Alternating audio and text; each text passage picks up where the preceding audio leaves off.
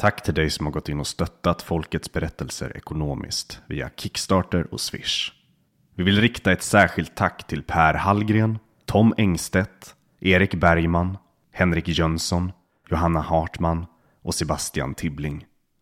Det här är Folkets berättelser.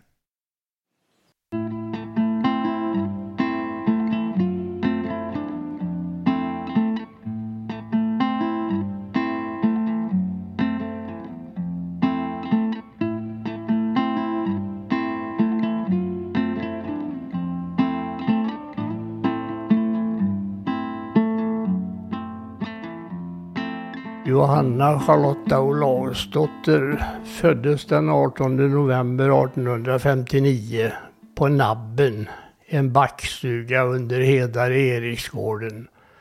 Hennes föräldrar var Olaus Johansson, född år 1823 i Hedared och Anna-Stina Olausdotter, född år 1833 i Ödenäs.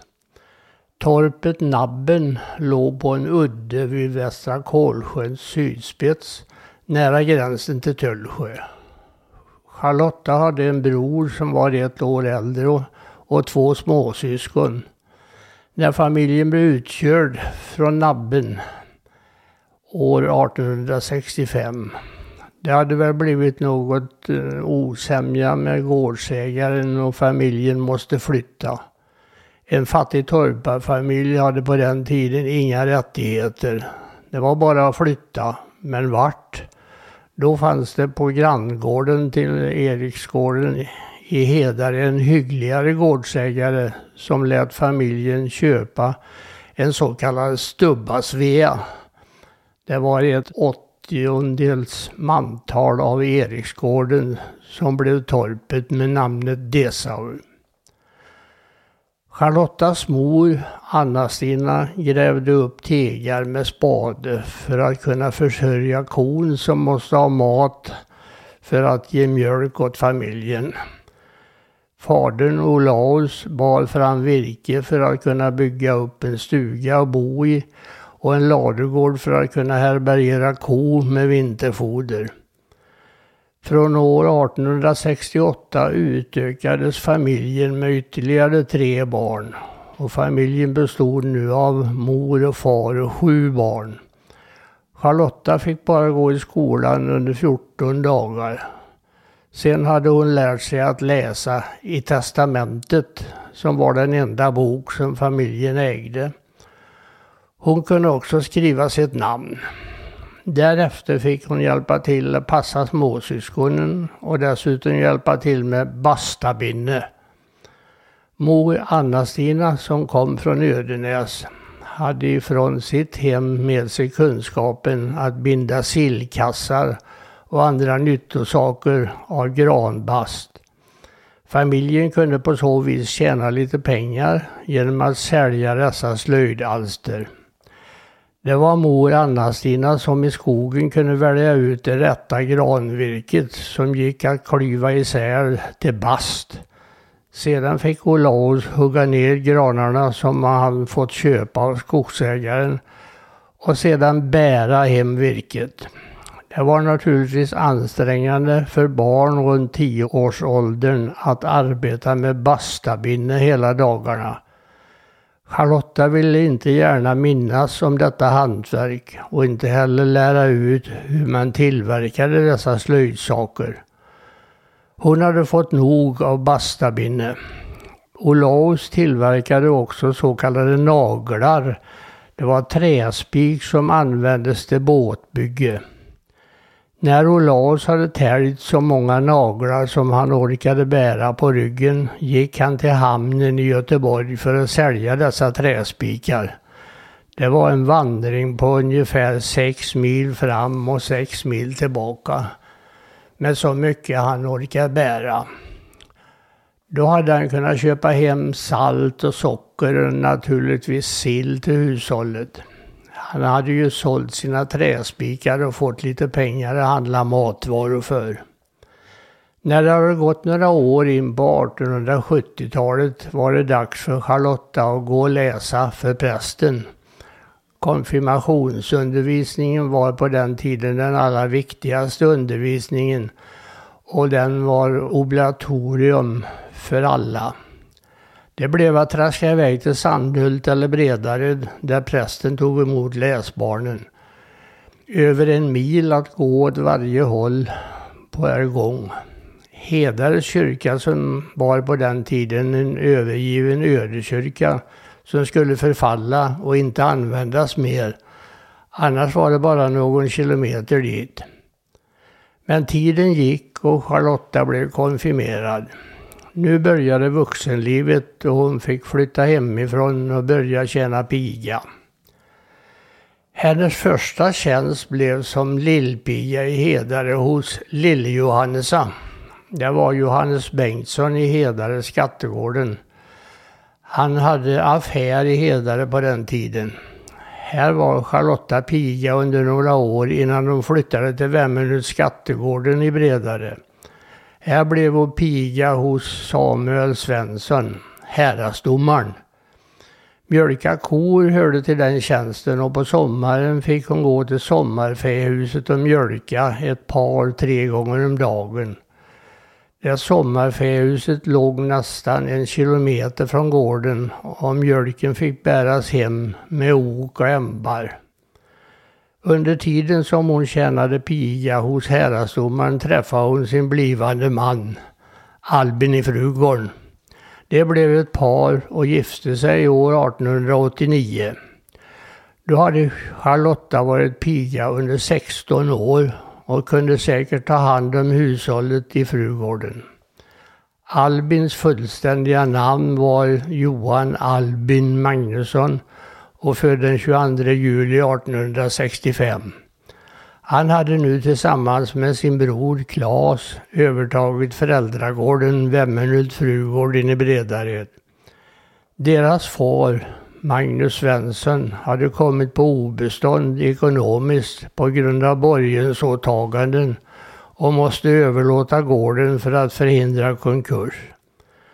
Det var så här Charlotta blev Lotta i Frugården. Den 25 juli 1889 blev det tillökning i familjen. Då föddes nämligen Oskar. Klas Oskar Magnusson fick han heta. År 1891, den 30 maj, föddes en dotter, Emelie Bernardina. Det var på den tiden inte så vanligt med leksaker. Men mamma Lotta tillverkade så kallade trasdoktor till barnen. Oskar och Emelie fick var sin docka att leka med. Men Oskar var inte nöjd med sin leksak. Han fick tag i en hammare och en spik och slog spiken genom dockan och spika upp sin docka på uthusväggen. Så det var leken med dockor över för hans del. När Oskar var sju år fick han börja småskolan. Den flyttade runt på olika ställen. Det fanns inte någon fast skollokal på den tiden. Men Oskar fick ofta vara hemma från skolan. Han måste vara hemma och se till syster Emelie när mor Lotta hade mycket att göra. Oskar var ju nästan två år äldre än Emelie så det var nog bra hjälp med barnpassning. På själva julafton den 24 december 1897 föddes så yngsta dottern Selma Victoria och familjen bestod nu av fem personer. På Albins del av gården fanns då en, en häst, fyra, fem kor, en tjur, ungdjur, kalvar, några får och några höns. Ett typiskt självhushåll som den tidens bönder hade. Lotta hade förutom barnen och hushållet även ladugårdssysslorna att sköta. Albin hade som uppgift att sköta hästen som var en viktigt djur på den tiden. Hästen var ju dragdjuret i alla sammanhang. Skogskörslor, alla dragsysslor i jordbruket samt alla andra transporter i olika slag som resor till Borås och järnvägsstationerna Frista och Sandared. Vägunderhåll var en betungande syssla på den tidens bönder. Förutom traktens och hemmanets vägar hade man även en uppdelat vägunderhåll av landsvägen mellan Borås och Alingsås. Frugården hade sin vägdel vid Hällered i Sandhult som skulle underhållas enligt vägsynens bestämmelser. Var inte underhållet till vägsynens belåtenhet blev det anmärkning genom pålysning från predikstolen i kyrkan och då var det bara att omedelbart ge sig iväg och förbättra vägen med grusning eller övrigt underhållsarbete. Annars vidtog rättsliga åtgärder. En annan sak som bönderna hade haft stora problem med och som förorsakat stora kostnader hade varit att hålla knäckt. Men som tur var avskaffades indelningsverket år 1901 och detta problem var ur världen. År 1910 var det dags för Oskar att göra militärtjänst. I Fristahed var på den tiden övningsplats för bygdens manliga ungdomar fram till 1914 då Oskar fick vara med och flytta regementet till de nybyggda kasernerna i Borås som blivit den nya övningsplatsen för infanteriet I 15. Sen kom första världskriget. Det blev ransoneringstider för alla och för bönderna blev det så kallade självhushåll, vilket innebar att bönderna skulle leva på det som jordbruket kunde ge. En sak som det blev problem med var att lysfotogenen tog slut. Alltså inget ljus från fotogenlampan. Men då började någon tillverka karbidlampor det blev en tillfällig lösning på belysningsproblemet. Sen blev det också ont en karbid. Man fick sitta runt järnspisen och elda med öppen spislucka för att få lite belysning i köket på kvällarna. Säkerligen var det besvärligt med lyset för döttrarna Emelie och Selma som hade skaffat hemarbete med strumpstickning. Då fick man hyra stickmaskiner hos firmor i Borås som också lämnade ut garn för lönstickning på deras maskiner. Det blev på så vis några kronor i arbetsförtjänst för jobbet vid stickmaskinen. Men belysningsproblemet kunde med tiden lösas. Bygdens befolkning bildade en elförening och man utnyttjade vattenkraften vid Hulta ström för att sätta upp en elgenerator och på så vis få elbelysning i gårdarna. Då hade det blivit år 1917. Det var naturligtvis en stor händelse när man bara behövde vrida på en strömbrytare och få ljus i rummet. 1918 var kriget slut och efterkrigstiden hade börjat. Man kunde dricka kaffe igen och något mera krig skulle det aldrig bli. Nu hade flickorna i huset blivit giftasvuxna och Emelie gifte sig år 1920, den 21 november, med Johan Adelsson och flyttade till hans gård i Hjortsberg. Den 20 september 1922 gifte sig dottern Selma med Frans Johansson från Hedared. Selma och Frans fick köpa torpet Bäckäng som hörde till Frugården och bosatte sig där. Lotta blev pensionär 1926 men hon hade inte betalat in så många kronor till pensionssystemet så utbetalningen av pensionen blev en engångssumma runt 50 kronor. Sen dröjde det 20 år till nästa utbetalning av pension. Då hade det blivit ett nytt pensionssystem och hon fick ansöka på nytt för att få den nya månatliga pensionen. När Albin blev pensionär fick han 43 kronor i pension per år tills det nya pensionssystemet trädde i kraft i slutet på 1940-talet då även han fick månatlig pension. Vid midsommar 1928 gifte sig sonen Oskar med Ester Eriksson från Ekarbo och 1929 övertog de frugården. Lotta blev då undantagspensionär med fri försörjning och ett rum på andra våningen i frugården att sova och vistas i. Där fanns en vedkamin och Albin såg till att det fanns ved att elda med. Lotta som var djurintresserad skötte om kreaturen i lagorn, som hon alltid hade gjort förut. Och båda hjälpte till med gårdens allehanda sysslor. Det har nu blivit 1930 och jag som berättar kommer till världen den 18 april. Åke Magnus blev namnet och kommer här nu att fortsätta berätta egna minnen av farmor Lotta från 30-talet och framåt. Det som berättas här tidigare är vad jag minns av vad farmor berättade för mig om sina upplevelser under de gångna åren. Farmor berättade att hon försökte lära mig att gå så tidigt som möjligt. Vid tio månaders ålder kunde jag börja gå själv och kunde följa med henne på olika upptäcktsfärder. Min mamma satt mestadels vid symaskinen och sydde kläder åt bygdens folk på beställning. Det kom med olika tygstycken för att senare kunna hämta färdiga plagg. Mamma var naturligtvis belåten med att farmor skötte barnpassningen och att hon på så vis fick sitta i fred vid symaskinen. Farmor var också road av uppdraget och jag blev på så vis hennes speciella gunstling. I början av 1930-talet sagades en ny väg vid trädgårdskanten och så småningom kom det vägarbetare som började bygga vägen. Det var alldeles säkert en avvälvande upplevelse för både människor och djur med grävning och sprängningsarbeten som följd. För farmor blev det dock en särdeles smärtsam upplevelse. Hon ville som vanligt sköta lagårdsarbetet och när det blev sommar skulle kor och ungdjur ut på bete.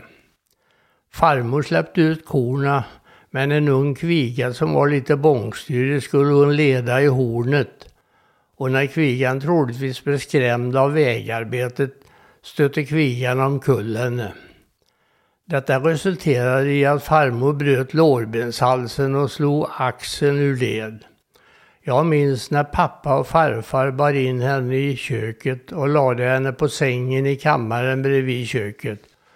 Hon hade naturligtvis fruktansvärt ont och det tog tid innan pappa hade ringt efter en taxibil för transport till lasarettet. Vi hade ingen telefon så pappa fick springa till Zachrissons affär som ligger cirka 600 meter hemifrån. Där fanns då den närmsta telefonen och där fick han kontakt med Hugo Anderssons taxi som kom och hämtade farmor och körde henne till Borås lasarett.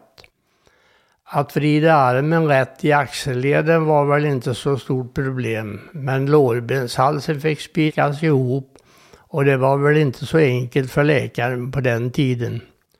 Men operationen lyckades och sedan fick farmor vara på lasarettet i flera veckor innan hon kunde komma hem igen och börja lära sig att gå med käpp. Detta hände på sommaren 1935. En varm och skön sommar. Men för farmor var det säkert inte så trevligt att börja lära sig att gå på nytt. Men så småningom kunde farmor gå igen. Men hon klagade på att det gjorde ont i benet hela tiden. Sedan kom det nya kristider. Det andra världskriget hade brutit ut. 1940-talet började med ransoneringar av olika slag. Farmor var van. Hon hade varit med om ransoneringar under första världskriget. Men nu var det betydligt bättre enligt henne. Vi hade mat på bordet och elström till lyse. Det blev kalla vintrar och skogsägarna blev ålagda av staten att hugga ved till försäljning. Men priset på veden hade staten bestämt. Inget ocker är inte. Veden skulle levereras för bilväg. Det fanns inte arbetshandskar till vedhuggarna. Nu fick farmor nytt arbete med att producera varma yllevantar. Spinnrocken kom fram och farmor spann ullgarn och stickade vantar och sockar. Det var något som hon hade lärt sig som barn, så det var inget besvär med det arbetet. När det blev ont om fårull var det hundar och angorakaniner som fick släppa till pälsen till garn. Hundår var inte farmor belåten med.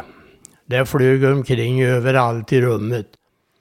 Det var lättare och inte så fett som fårull och därför besvärligare att spinna. En sak som jag kommer ihåg sedan krigsåren. Det hade kommit apelsiner till julen. Jag var med farmor i affären och vi fick köpa ett kilo apelsiner per familj. Handlaren hade en egen ransonering så att alla skulle få smaka på godsakerna. När sedan kriget tog slut och världen blev fredligare kom det en båt med bananer och då blev det fest igen med en banan per familjemedlem. Efter kriget kom det nya pensionssystemet. Alla åldringar fick pension. Farmor fick pension igen. Hon hade inte fått någon pension på 20 år. Det blev en helt ny tid för henne. Hon som aldrig hade haft mer än några slantar i plånboken. Det var skönt att få se henne uppleva detta. Hon kunde köpa saker för egna pengar. Vad glad hon var. Åren gick och 1949 fick farmor fira sin 90-årsdag. Det var en stor dag med många gratulanter. Det är inte alla förunnat att bli så gamla.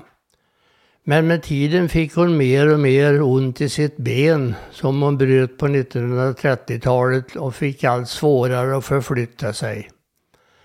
Huvudet var det dock inget fel på. Hon mindes gamla tider och följde med stort intresse mer i nutiden. Det är roligt att få leva och se hur det går för andra, tyckte farmor med glimten i ögat.